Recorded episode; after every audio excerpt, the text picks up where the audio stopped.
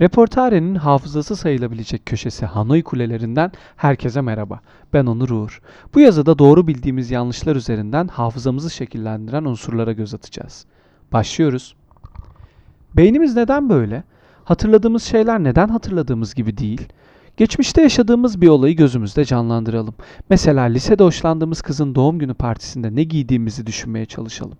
Sonra o güne ait fotoğraflara bakalım. Aynı mı? Bir film repliğini hatırlıyorsunuz ancak filmi izlediğinizde filmde o hatırladığınız repliğin hiç geçmediğine tanık oluyorsunuz.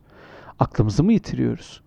Daha da önemlisi neredeyse emin olduğumuz hiç yaşanmamış anılar başka insanlar tarafından da aynı şekilde hatırlanıyor. Örneğin Monopoly logosundaki adamın gözündeki tek mercekli gözlük hepimizin bildiği bir ayrıntı. Ama aslında Monopoly adamın gözünde mercek yok ve hiç olmadı. Veya Hugo ve Tolga abi de küfür eden çocuğu izlediğimizi hatırlıyoruz ama öyle bir olay da hiç yaşanmadı. Volkswagen logosunu gözümüzde canlandırdığımızda V ve W bileşik değil mi? Değil arkadaşlar değil. Google'a yazacağınız Mandela etkisiyle yukarıda bahsettiğim onlarca örneği görselleriyle görebilirsiniz. Mandela etkisi kitlesel bir yanılsamayı açıklamaya çalışan bir kavram. Bir grup insanın aynı yanlışı aynı şekilde hatırlamasını anlatmaya çalışıyor. Adını Nelson Mandela'nın 80'lerde hapisteyken ölmesinden esinlenerek alıyor. Ancak Nelson Mandela 80'lerde hapiste ölmedi. Hatta rahmetlinin ölüm tarihi 2013. Ancak birçok insan Nelson Mandela'nın 1980'li yıllarda öldüğünü düşünüyor. Hatta işi ileri götürüp cenazesini izlediğini iddia edenler var. Yeni Zelanda'nın Avustralya'da olduğu iddiası gibi. Kısacası emin olduğumuz yanlışlar yüzünden iddia kaybettiğimizde hatırlamamız gereken bir etki. YouTube fenomenleri tarafından oldukça keyifli videolarla anlatılan Mandela etkisi meraklısı için geniş bir konu. Ama sizlerle paylaşmak istediğim asıl konu hafızamızın nasıl şekillendiği. Ben hafızama hiç güvenmiyorum. Gerek iş hayatımda gerekse sosyal hayatımda önemli noktaları not almaya çalışıyorum. Bir film veya kitap önerdiğinizde hızlıca telefonuma davranmam bundandır. Çünkü anılarımız anlatım şekilleri ve çevresel faktörlere göre değişiyor. Ortam ve durumun dinamikleri anılarımızın yönünü değiştirebiliyor. Bununla alakalı Amerikalı bilişsel psikolog Elizabeth Fishman Loftus'un oldukça ilginç bir çalışması mevcut. Dil manipülasyonu ile anıların şekillendirilebileceğini düşünen Loftus ve ekibi araba kazaları hakkında farklı videoları 45 kişilik bir hedef gruba izletmişlerdi. Kazalar 20 mil, 30 mil ve 40 mil hızlarda gerçekleşiyordu ancak katılımcılara sorulan cümleler sorunun sorulma şekli açısından farklıydı.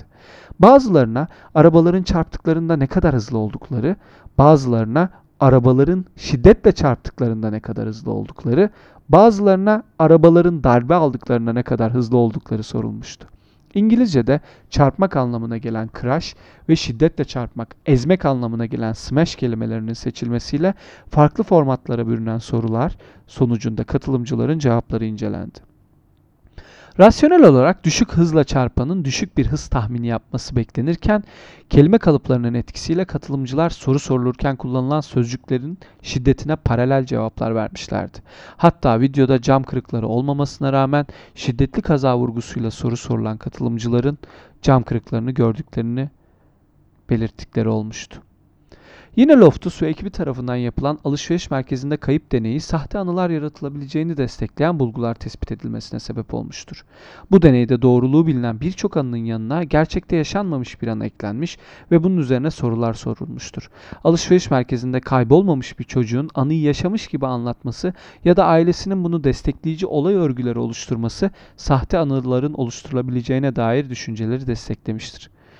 Beynimiz küçük noktalar arasında boşlukları doldurma eğiliminde. Her ne kadar bir günümüzü bile eksiksiz anlatabilecek kadar güçlü hafızalara sahip olmasak da gerçek bilgiyi korumak için şüpheci yaklaşmalıyız. Bilginin kaynağını, bilginin temelini, daha da önemlisi bilginin yayıldığı alanları göz önüne alarak yorumlarda bulunmak ileride başımızın belaya girmesini, en azından utanmamamızı sağlayacak durumların önüne geçebilmeyi sağlayacaktır. O halde Hugo'dan Tolga abiye küfredilmesi ya da Covid aşısının yurt dışında paralı olması gibi konulara kulak kabartırken gerçeklikten kopmayıp sahte anıların oluşmasına engel olabiliriz. Bir sonraki yazıda görüşmek üzere.